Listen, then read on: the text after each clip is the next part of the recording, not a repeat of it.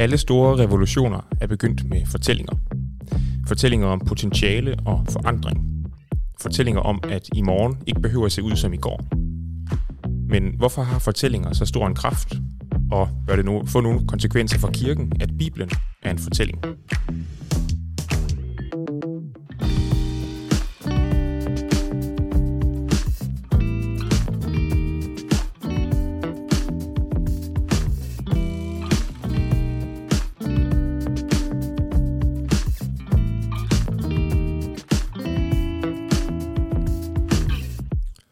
Velkommen til Mekkar, Israels Missionens podcast. Mekkar det er hebraisk og betyder en afkrog, der skal udforskes, eller et dybdegående studie. Og det er netop det, vi vil. Vi vil udforske Bibelens afkrog og dybder gennem samtale og studier.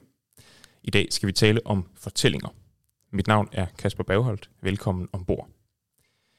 Og i dag sidder jeg i Fredericia, øh, i Sankt Michaelis kirke, eller i hvert fald i deres sovne går, eller hvad man kalder det. Og det gør jeg, fordi jeg har øh, inviteret en gæst. Vil du ikke præsentere dig selv? Det vil jeg i hvert fald. Mit navn det er Oline Bøndergaard Korsmed, og jeg er ansat her i Sankt Michaelis Kirke som kirke- og, diakoni, kirke- og diakonimedarbejder. Og øh, så er jeg gift med Mads og mor til fire drenge, teolog, og arbejder også med fortællinger på forskellige måder. Mm. Og det er lige nok derfor, jeg har tænkt, at du har oplagt at øh, spørge til det her. Fordi jeg ved, du har arbejdet og arbejder med formidling.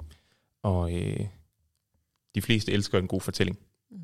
Så øh, for lige sådan at lære dig lidt bedre at kende, så kunne jeg tænke mig at spørge, hvilken bog du senest har læst. Ja.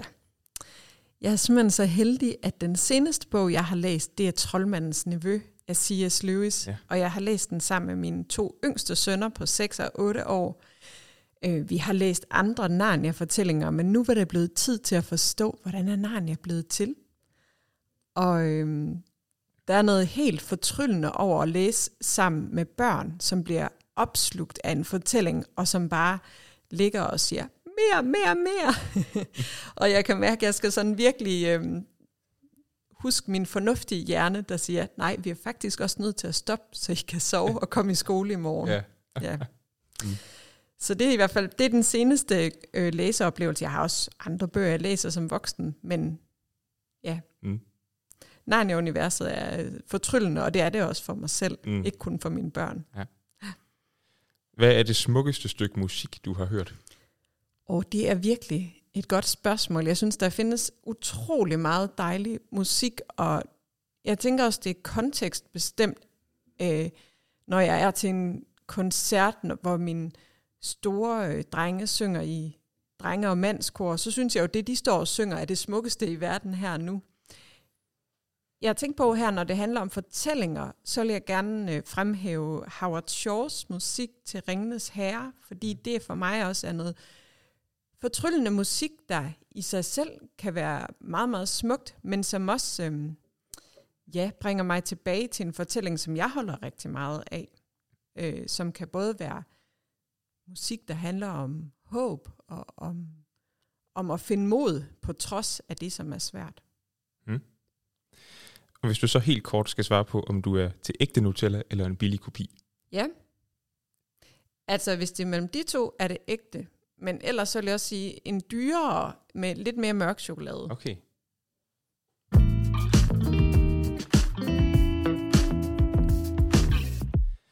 Som sagt, så skal vi tale om fortællinger.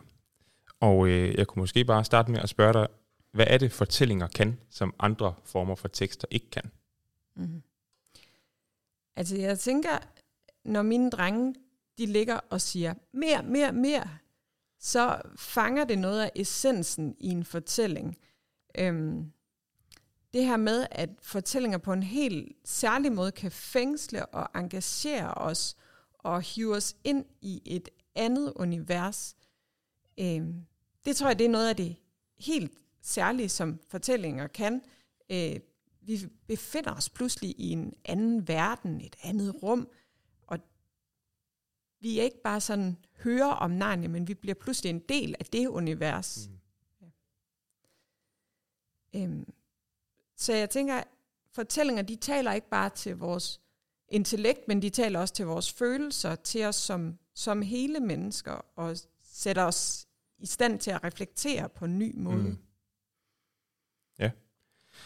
Jeg, øh, jeg sad og tænkte over, at man, hvis, hvis man opdeler i, i tre forskellige slags, så er der, sådan, øh, der er argumenterende tekster.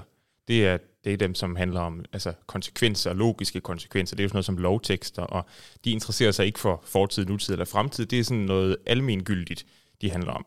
Og så er der de beskrivende tekster, som har fokus på de ydre omstændigheder, vi kan se, og øh, interesserer sig for det, der er lige nu.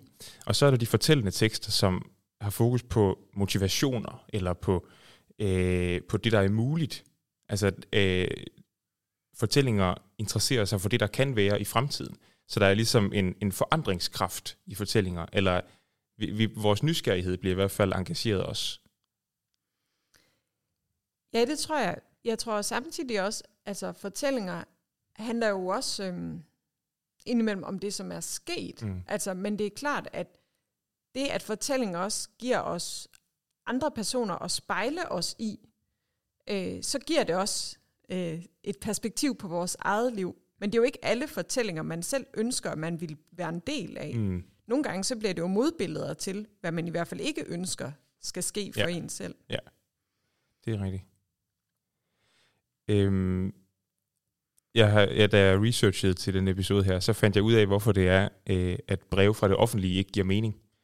Og øh, det er fordi, det ikke er formuleret som fortællinger.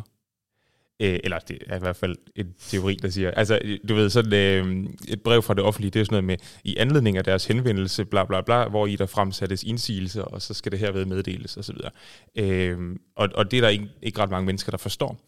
Fordi der er noget, der hedder en metakognitiv sprogteori, som øh, simpelthen bare handler om, at vi forstår ved hjælp af historier.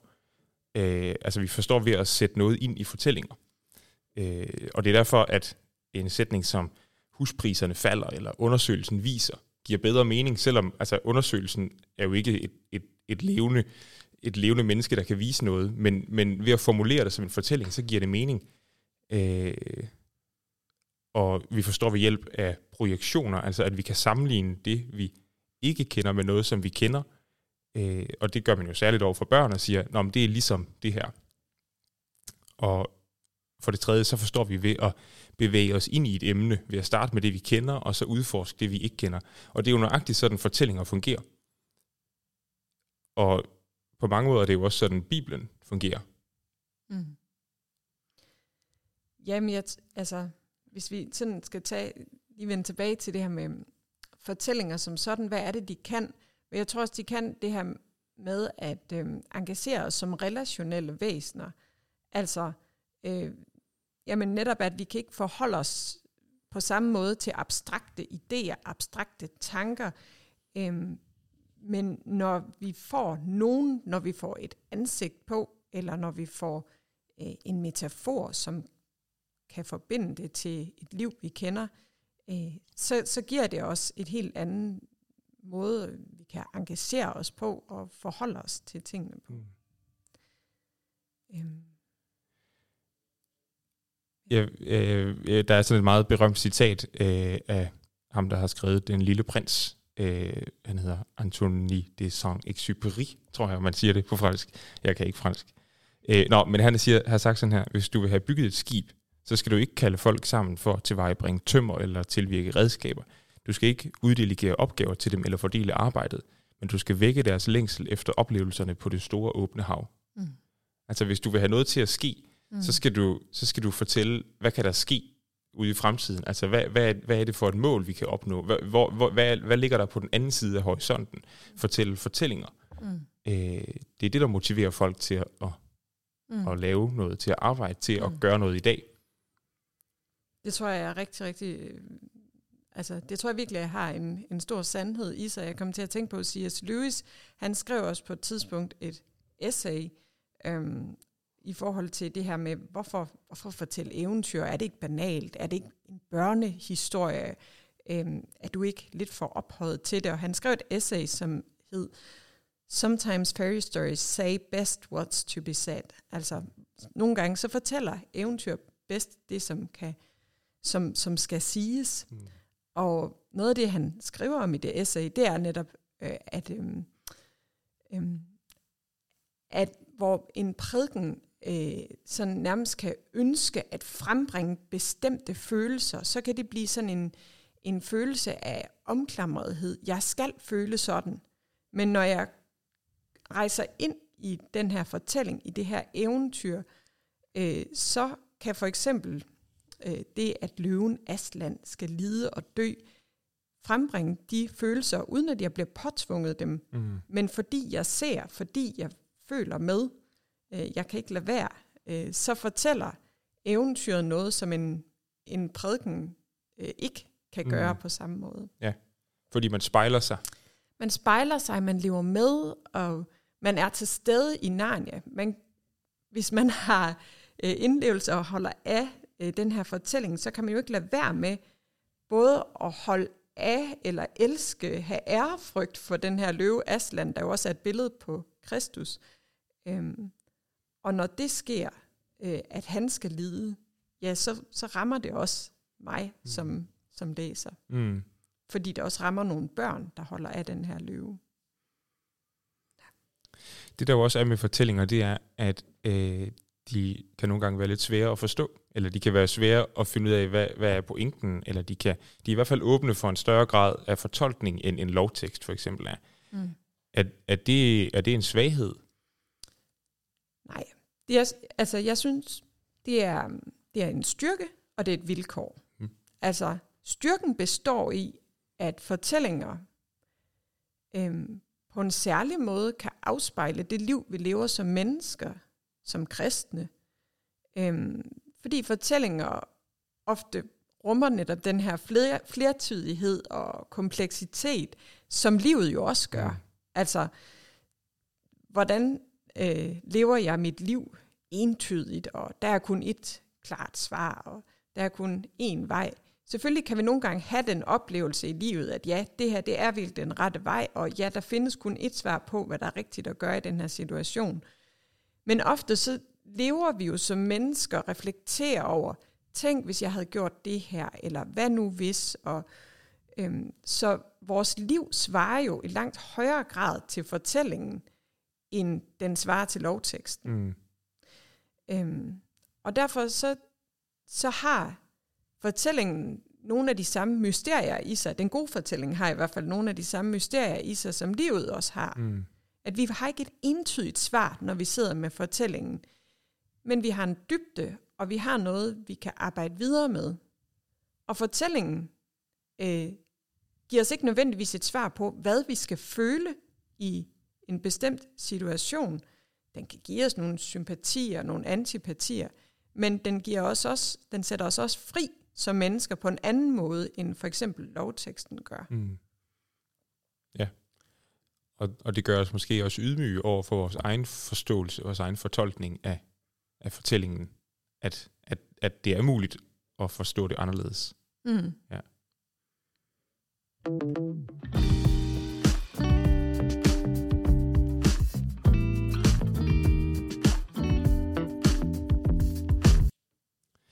Hvis vi så bevæger os lidt videre og snakker om Bibelen som en fortælling.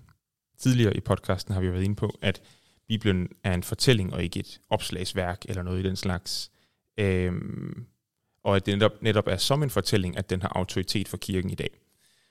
Øhm, hvorfor tænker du, at det er vigtigt, at Bibelen er en fortælling? Mm.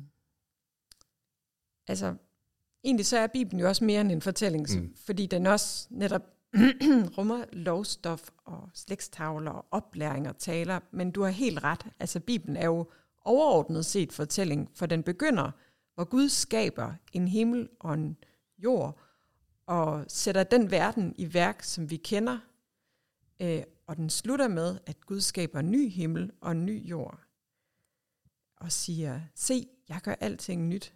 Øhm, så det er en fortælling om Gud, som er står i relation til sit skaberværk. Øhm, og hvorfor er det vigtigt? Mm. Ja, for det første så er det jo vigtigt, fordi jeg som kristen tror, at det er sket. Mm. Altså det er ikke bare en smuk fortælling om verden, som når jeg for eksempel læser H.C. Andersens eventyr, eller øh, Astrid Lindgrens fortællinger, som sagtens kan lære mig om livet, men jo ikke er noget, der er sket. Mm. Men der tror jeg som kristen, at det, der sker i Bibelen, er ikke bare fortællinger om noget, der kunne have været, men noget, der virkelig har været. Mm. Så det er ikke bare sådan en smuk fabel, der, som kan sige noget rigtigt. Øh, det er faktisk en, en, det er den sande fortælling om hele verden. Præcis. Ja. Jeg læste et, øh, et essay på et tidspunkt, hvor der var en, der skrev sådan her. For, øh, hvis jeg forklarer, at verden er blevet til ved The Big Bang, så kan det være nok så rigtigt og, og i overensstemmelse med observationer og beregninger. Det har bare ikke noget med mig at gøre. Når jeg derimod fortæller om Gud, der fik en arbejdsuge til at gå med at møblere verden, så kan jeg føle mig hjemme igen og have en plads i verden, uden at, at jeg er noget tilfældigt og noget biologisk materiale. Mm. Altså så en forklaring og en fortælling, det er to forskellige ting, fordi en fortælling, det har noget med mig at gøre. Mm. Og hvis Bibelen er en fortælling, så har den også noget med mig at gøre. Mm. Ja. Det er virkelig fint sagt, og det er jo, altså, det er jo lige præcis det, der sker, øh, når vi møder Bibelen og ser, ser på alle de fantastiske fortællinger, der er, at det er jo fortælling om noget, der var engang, men det er også fortælling om den Gud, jeg stadigvæk tror øh, er Gud, mm. min Gud, øh, verdens Gud, mm. og som også ønsker at leve i fællesskab med mig. Og når jeg hører om, hvad han har gjort gennem historien, så bliver det jo også en fortælling om håb, om tro, om mm. frelse mm. øh, for mig. Ja. ja, og lad os bare fortsætte lidt med det, fordi hvad, hvad siger det om Bibelens Gud, at han er en Gud, der åbenbart sig gennem en historie, og en Gud, der ønsker at kommunikere til os i sådan noget, der overordnet set i hvert fald fungerer som en fortælling? Mm. Jeg synes, det, det, siger jo, det siger jo rigtig meget, men det siger i hvert fald, at, øhm, at Gud er, øh, altså, Gud er nok Gud, om alle mand var døde, men det er ikke det, han ønsker at være. Mm. Han ønsker at være Gud for levende mennesker. Mm. Han har skabt os til, at vi skal leve i fællesskab med ham. Øhm, og når vi også øh, finder glæde i at leve i fællesskab med hinanden, ja, så afspejler det også øh, vores gudbilledelighed som mennesker.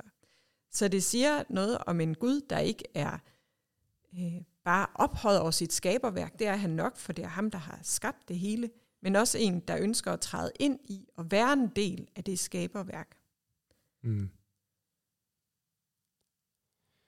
Ja, det, det siger noget om en Gud, der, der, vil, der vil have relation til mennesker, som vil forstå sig mennesker. Øh, jeg kender en, der siger det sådan her, at øh, jeg kan ikke tale Gud, så det er godt, at Gud han kan tale menneske.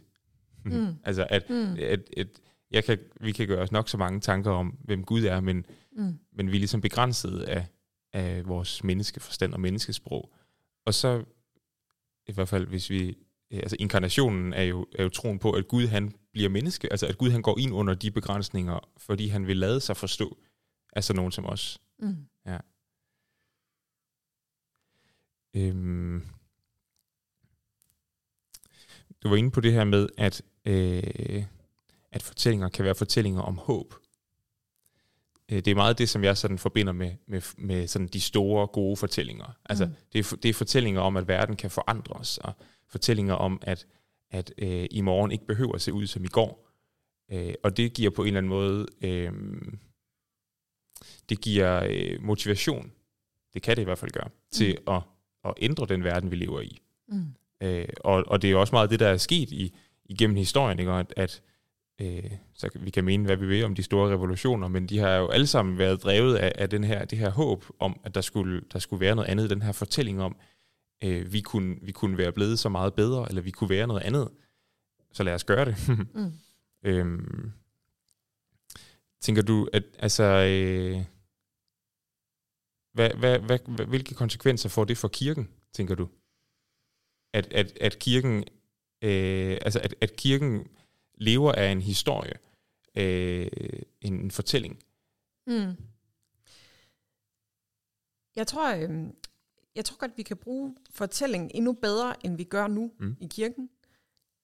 Øhm, I mit arbejde, der har jeg jo at gøre med mange forskellige aldersgrupper, og ofte når jeg er sammen med børnene om søndagen, så bruger jeg fortællinger. Jeg bruger blandt andet øh, den metode, der hedder Godly Play, hvor man øh, sådan meditativt øh, nærmer sig en bibeltekst øh, ved brug af nogle enkle øh, visuelle virkemidler, og fortæller om Guds folk, der vandrer i ørkenen, eller fortæller om den vrangvillige profet Jonas. Og fortællingen for børnene her bliver ikke udlagt, lavet om til en god andagt, hvor jeg giver dem de opbyggelige pointer. Her får børnene selv lov til at reflektere over meningen. Øh, de får selv lov til at gribe fat i, hvad de bedst kunne lide, eller hvad de synes, der var det vigtigste. Og jeg lægger mærke til, at de børn, som er der, øh, ofte finder stor glæde ved det, og også sådan ret meget på tværs af alder. Der kan godt både være en 4-årig og en 12-årig, der får rigtig meget ud af den samme fortælling. Måske ikke det samme, men alligevel får rigtig meget ud af det. Lægger også mærke til de forældre, der går med. De som regel også får rigtig meget ud af det. Mm. Og jeg tror, at fortællingen godt må fylde mere i kirken. Mm. Det er ligesom om, at vi har mm, nogle gange lagt os fast på en genre, der hedder, at fortællinger er for børn. Mm.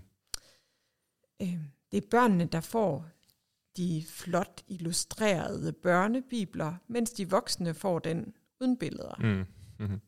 Og øh, prædiknerne, jo, vi starter jo nok i en fortælling, i hvert fald ofte, øh, når vi læser fra, øh, altså fra evangelieteksterne. Men ofte så bliver en prædiken jo mere et abstrakt sprog. Øh, man bliver ikke i fortællingen.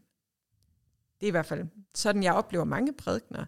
Og jeg tror, at man også kunne sætte mange voksne fri ved at give dem fortællinger og spejle sig i, at man ikke bare som prædikant tænker, at det fine og det vigtige og det rigtige i forhold til voksne, det er at give dem prædikner fulde af abstrakte begreber og få det hele sat på plads. Men at nogle gange, så har vi egentlig lige så meget brug for os som voksne at have de her fortællinger, mm. og spejle os i, og identificere os med, og både se som, som fortællinger om mulighed, eller fortællinger om, hvor vi ikke ønsker at gå hen. Mm. Og det er jo faktisk meget interessant, fordi, fordi Jesus jo også fortæller fortællinger. Altså lignelserne er jo det mest oplagte eksempel. Altså han holder også taler og alt sådan noget, men han fortæller fortællinger, og det var jo ikke til børn. Mm. Det var jo til det var jo til de, det var jo til de kloge, til de lærte. De havde ja. brug for at høre fortællinger. Mm. Øh, og hvis man lige skal lave en, en tråd tilbage til det der, jeg fortalte om en metakognitiv sprogteori, så, mm. så er lignelserne jo netop en, en projektion, altså at vi, vi sammenligner noget, vi kender med noget, vi ikke kender. Himmeriget er ligesom et eller andet, som man så kender. Det kunne være en sennepsmark, som mm. Jesus måske har stået i, da han mm. har fortalt det. Mm. Øh, så der er noget abstrakt, der bliver forklaret med noget konkret. Med en meget simpel historie, som man har kunnet tage med hjem. Mm. Fordi det har været en historie taget ud af virkeligheden, ud af hverdagen. Øhm, og, og hvad skal man sige, der, der, der er vi jo på en eller anden måde på afstand, og fordi der er ikke ret mange af os, der har sennepsmarker. Øh, og, øh, og der er ikke ret mange af os, der kender en sædemand, som går ud for at så. Mm. Øh, men, men, men dem, Jesus har fortalt det til, det har givet mening, for de har kunne se det for sig. De har, der har måske stået en sædemand lige ved siden af Jesus, da han har fortalt det. Øhm, men også sådan, hvis vi kigger i hele Bibelen, ikke? og Gud han beskrives med, med nogle menneskelige kategorier. Altså Gud beskrives som en konge, og som en ægte mand, og som en hyrde, og en kriger, og en far, og en mor. Og pointen er jo ikke, at Gud han er en hyrde, men han er ligesom en hyrde. Så, så der, er, der er en fortælling om Gud, og Gud han er hyrde. Mm. Og den kan vi spejle os i. Den kan, mm. den, kan vi, den kan vi leve os ind i. Øhm, ja, det, jeg synes, det, det er meget interessant at reflektere over, om vi mangler fortællinger i kirken mm. til, øh, til de voksne. Mm. Fordi Jesus, han fortalte fortællinger til de voksne, og mm. øh, Bibelen er fyldt af fortællinger mm. til voksne. Jeg kom til at tænke på, når du siger det her med øh, øh, fortællinger, der beskriver, hvem Gud er. Øhm, I 5. Mosebog, der er der jo beskrevet, hvordan skal Israels folk øh, handle i fremtiden, nu hvor de går ind i det lovede land. Mm. Altså nu ligger ørkenvandringen ligesom bag dem, og øh, de skal ligesom finde ind i en, en fremtidig praksis, hvor ørkenvandringen øh, ikke længere er en del af alles erfaring. Altså de børn, de kommer til at få i det her land, de har ikke vandret i ørkenen, eller de kan måske ikke huske, de har vandret i ørkenen.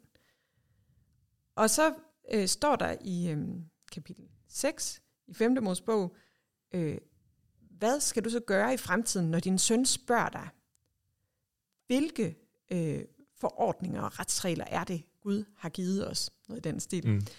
Øhm, og så skal de voksne ikke svare med at remse for eksempel de 10 bud op, eller andet, som egentlig kan være godt og rigtigt, og som de jo skal overholde. Nej, så skal de svare med en fortælling. Mm. De skal sige, at det var Herren, vores Gud, som med stærk hånd førte os ud af Ægypten, om alle de underfulde tegn og under, han gjorde, om at han førte dem igennem øh, det røde hav, og øh, alle de ting, som skete, og som var øh, svære, men at Gud nu har givet dem det her lovede land. Altså de skal ikke fortælle abstrakt om, hvilke bud og retsregler er det, men hvem er den Gud, mm. som har gjort det her for os. Og det er jo lige præcis gennem fortællingen, vi også kan få tillid til Gud. Mm. Fordi hvis Gud bare er den, vi kan sige nogle abstrakte ting om, ja, så er det svært at relatere til ham.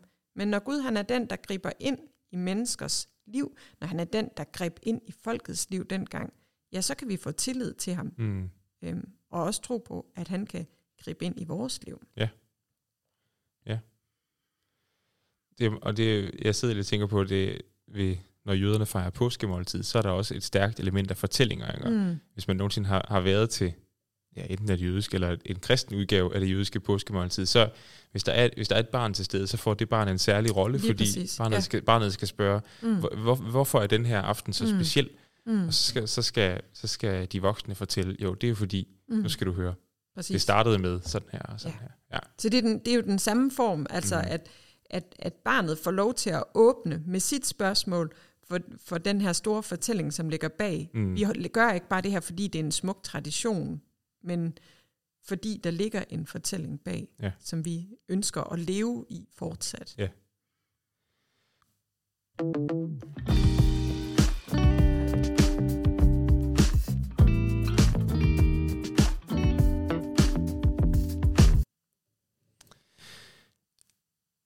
Jeg ved ikke, om vi skal øh, snakke lidt mere om det her med øh, kirken som et historiefortællende fællesskab. Altså, hvis, hvis, øh, hvis kirken er øh, hvis kirken er et fællesskab, som er forenet øh, af en fortælling om Gud og om, øh, ja, om, om at Gud har grebet ind i vores verden, at Gud han vil os noget. Øh, hvilke, hvilke konsekvenser bør det så få, eller hvordan, hvordan bør kirken tænke om sig selv, eller hvad er det kirken, hvad er det kirken kan, øh, kan give til verden, når vi fortæller en fortælling om Gud? Mm. Så jeg tænker, at fortællingen giver jo håb på en helt særlig måde. Og øh, fortællingen kan også give øh, et billede af, at, øh, at de mennesker, som er en del af Guds historie, det er ikke perfekte mennesker. Mm. Øhm, at det er mennesker, som har kendt til ja, alle de ting, vi som mennesker også i dag på forskellige vis kan bøvle med, eller kan, kan kæmpe med. Øhm, altså, og måske især hvis vi tager nogle af de her personer, som, som, øh, hvor vi har rigtig store dele egentlig af deres, af deres livshistorie, jamen så får vi nu også nogle mennesker at, at spejle os i, som, som ikke bare er øh, helgener, eller som i hvert fald også har, har trådt ved siden af, eller øh, gjort noget, som de ikke skulle gøre, altså tage en person som kong David, altså så er han jo nok en held i et bibelsk galleri overordnet set, men han træder jo også gevaldigt ved siden af. Øhm, så det giver os også et billede af, at når Gud vil os, så vil han det, øh, også selvom vi kan træde ved siden af, eller selvom vi, vi slet ikke gør, som vi burde gøre. Mm. Ja, ja og, og det, der er måske faktisk en... Øh en, en øh, god pointe at huske på, det er, at altså når, fordi Bibelen ikke er det her opslagsværk, så er det jo heller ikke... Øh, ja, så kan vi heller ikke bare slå op og sige, hvordan skal man så leve? Og så læser man kong David, og så siger man, så er det sådan, man skal leve. Mm. Fordi det er en fortælling om, mm. om David, som er et menneske, og som fejler. Og, og der er jo masser af eksempler på det. Øh, man kan bare læse dommerbogen Øh, der er masser af mennesker, som Gud han bruger, men som ikke er perfekte af den grund. Og Jesu disciple er jo et andet eksempel, ikke? Også, som, mm. øh, øh, og der, der, der tænker jeg, der, der kan man måske nogle gange gå galt i byen, hvis man, hvis man ikke øh, tænker over det her med, at det er en fortælling. Øh, fordi så, så kommer man måske til at, at tænke, at David han er et eksempel til efterfølgelse i alt, hvad han gør. Fordi det står jo i Bibelen. Mm. Men det er, jo, det er jo fortællingen, der står i Bibelen. Og, og, og der skal man jo have fat i plottet, for at forstå fortællingen. Mm. Og plottet er jo, at Gud han bruger David, selvom han ikke var perfekt. Mm. Og alle de andre, selvom de ikke er perfekte. Mm. Mm. Og det er ikke engang altid, det står helt stærkt, hvad, hvad er egentlig plottet her? Mm. Altså, øhm, ja, en af de fortællinger, jeg har arbejdet med, er Jonas bog, som jeg egentlig, altså nu har jeg den stående her i figurform, fordi jeg skal bruge den på søndag til nogle børn. Og hvad er egentlig plottet i Jonas bog? Jo, der er selvfølgelig noget med, at Gud bruger Jonas, men det er jo også sådan, at Gud bruger Jonas på trods, mm. og, og, og øhm, ja, hvad er, det, hvad, hvad, hvad er det egentlig, Jonas han skal fortælle os? Mm. Det, er ikke, det er ikke altid det er helt entydigt. Øhm, jeg har også øh, tidligere som studerende, øh, var jeg nogle gange ude og recitere Jonas bog sammen med nogle, nogle øh, musikere, hvor, hvor der egentlig bare var, hvor teksten stod for sig selv. Og det er meget sjovt det her med at altså netop give den her fortælling til voksne mennesker, som får lov til bare at sidde og tænke over, ja, hvad er det egentlig? Og der var egentlig flere, som kom op øh, efter vores øh, lille arrangement her med, med fortælling og musik, og var sådan lidt rundt på gulvet. Altså folk var også fascineret, fordi det er dejligt at få den her rene fortælling, uden at nogen skal give mig, stopfodre mig med pointer mm. efterfølgende. Mm. Men, men man bliver også lidt, øh, lidt overrasket nogle gange over, at pointerne måske ikke står helt så mejslet ud, som vi tror i ja. Bibelen, fordi vi ofte bliver ja, øh, fodret også med, med fromme pointer, som mm. kan være nok så velmente, men mm. som, som ikke nødvendigvis er en del af bibelteksten, ja. men som nogle andre gode mennesker har tænkt efterfølgende. Ja. Ja. ja det er jo også sjovt med Jonas Brygger, fordi det er jo, det er jo faktisk en virkelig god fortælling, altså fordi den er, mm. den er så humoristisk egentlig. Mm. Altså, øh, det er jo øh, historien om den udulige profet. Mm. Altså, øh, Gud han beder ham om at tage til Nineve, som ligger øh, som ligger øst for Israel, og så tager han stik vest i stedet mm. for. Det er jo faktisk enormt humoristisk, ikke? Mm. at han, han gør nøjagtigt det modsatte. Mm. Øh, og, øh, og der kommer den her fisk og alt det her. Altså, der er virkelig mange sådan af de der, øh, hvad skal man sige, knep, som vi også bruger i fortællinger i dag. Ikke? Øh, jeg forestiller mig, at, at når man sådan har fortalt Jonas' bog, øh, i, eller læst den højt i det gamle Israel, så har folk siddet og grint lidt, mm. fordi det er en god fortælling. Mm. Det er virkelig en god fortælling. Øh, og så kan det godt være, pointen ikke altid er helt klar. Altså, er pointen, at Gud han bruger Jonas, selvom han ikke gider? Eller er pointen, at, at Gud han er enormt øh, kærlig over for øh, de mennesker, der ikke kender ham også, altså dem, der bor i Nineve? Øh, det, det, det er lidt svært at finde ud af, mm. men det er en god fortælling. Mm. Og det, og det er jo, jeg tror, du er fuldstændig ret i, at altså, folk har, har også siddet og, og grinet lidt over Jonas. Og samtidig så, så rummer den jo også sådan meget øh, dyb bøn i kapitel 2, øh, om, hvor, hvor Jonas sidder der i, i fiskens bu i tre dage og tre nætter, og både altså, fortæller om, hvor, øh, hvor ramt han har været, hvor meget han har frygtet for sit liv, og nu har Gud svaret ham, trods alt, hvor han sidder der. Han har røget helt ned til havets bund, og tang havde viklet sig om hans hoved, mm. men min bøn nåede til dig, mm. Gud. Øhm, så den, den, den, den, den, er jo, altså, den er også kompleks på den måde, mm. at den rummer forskellige genrer, kan vi sige. Altså den rummer den der fortælling, som både har noget dramatisk og også lidt humoristisk over sig. Mm. På en måde så tænker jeg, det, det, det kan godt minde lidt om at læse Astrid Lindgren for eksempel. Altså på den måde, at hun har nogle gange nogle, nogle virkelig sjove fortællinger, som altså når Pippi hun plyndrer juletræ, så er det sjovt at høre om, hvordan hun har bygget en snehyt til børnene og bærer rundt på lavkager ude i sneen. Men der er også noget meget fint og dybfølt i den, når, øh, når hun tager sig af dem, som ingen andre ser, mm. for eksempel. Ja. Og det synes jeg, det er jo noget af det gode fortællinger kan, ja. at den har ikke bare et spor, Og når, når man har hørt indledningen, så ved man alt, hvad der skal ske. Mm. Vi ved ikke alt, hvad der skal ske, og sådan er det også i de øh, gode fortællinger i Bibelen. Jo, selvfølgelig ved vi det, fordi vi har hørt den mange gange, men som førstegangs læser, eller hvis vi beskæftiger os med nogle af de fortællinger, der måske har ligget lidt på lager hos os, så, så kan det blive nyt for os. Mm. Øh, for vi ved ikke, hvad der skal ske. Herrens ord kom til Jonas, Amitais søn. Ja, hvad skal vi forvente? Vi skal nok forvente, at han hører efter. Mm. det gør han så ikke. Ja. ja. Og, ja, og det er jo ja, det er måske noget af det meget fine. Altså, jeg tror, at de fleste kender det godt, det der med, at man har set en, en Disney-film som barn, og synes, det var en helt vildt god øh, film. Og så ser man den som voksen, og så tænker man, hold da op, handlede den om det? Eller var der mm. det der lag også? Mm. Øh, og og øh, altså fortællinger, fortællinger kan tale til mange forskellige aldersgrupper, mange forskellige mennesker, men kan sige noget forskelligt til mm. dem. Mm. Ja. Der er også et, øh, nu har vi været inde på det her med, at fortællinger giver håb. Øh, og at, at det gør de, fordi, fordi vi bliver sat i stand til at øh, forestille os, hvordan verden kunne se ud.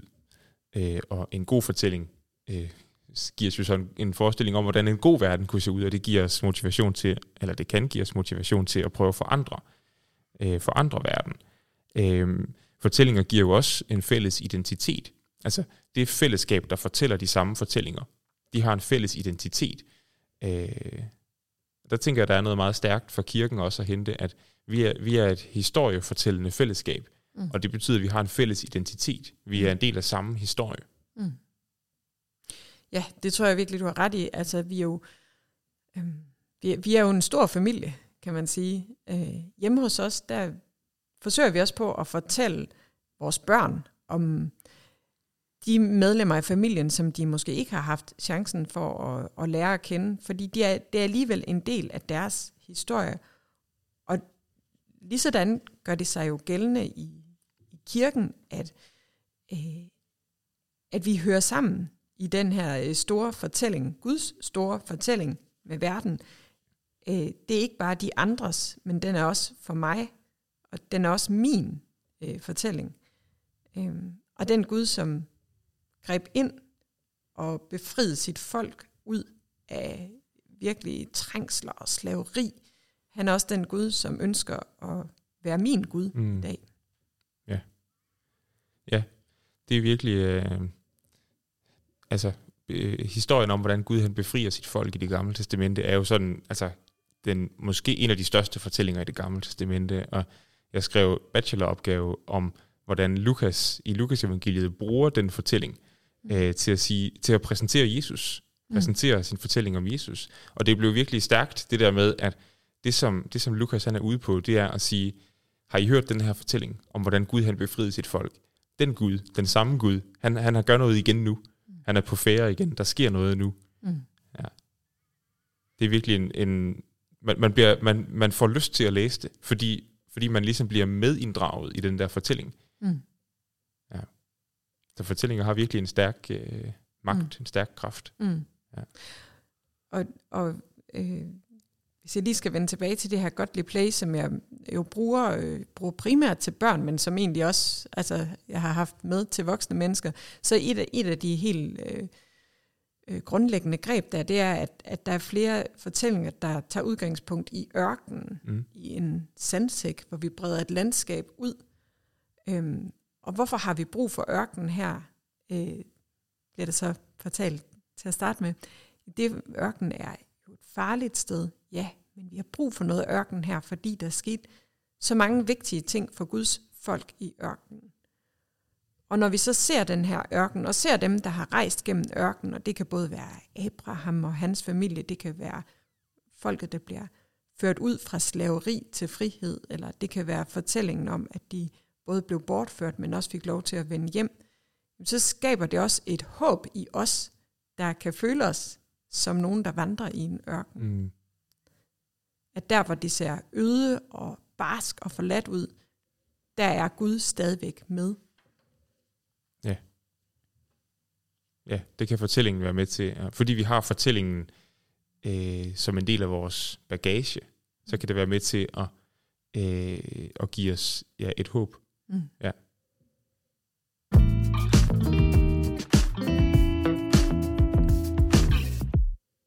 Tiden den er ved at være gået. Øh, jeg vil spørge, om du vil, om du kan opsummere noget, noget af det, du har sagt, eller tilføje noget, hvis du tænker, der er noget, du ikke fik sagt. Så er det nu, du skal gøre det. jeg, jeg vil gerne øh, tage tre ting frem, tror jeg. Som, øh, for det første, så tror jeg, noget af det vigtigste fortællingerne, de gør, det er, at de viser os, hvem Gud er. At Gud er en person, der handler og som rækker ud til mennesker. Gud er ikke bare noget, men han er nogen. Mm. Han er en, der vil os, øh, og vil at ønsker, at vi skal leve sammen med ham, og øh, inviterer os øh, til at blive en del af hans, øh, hans folk.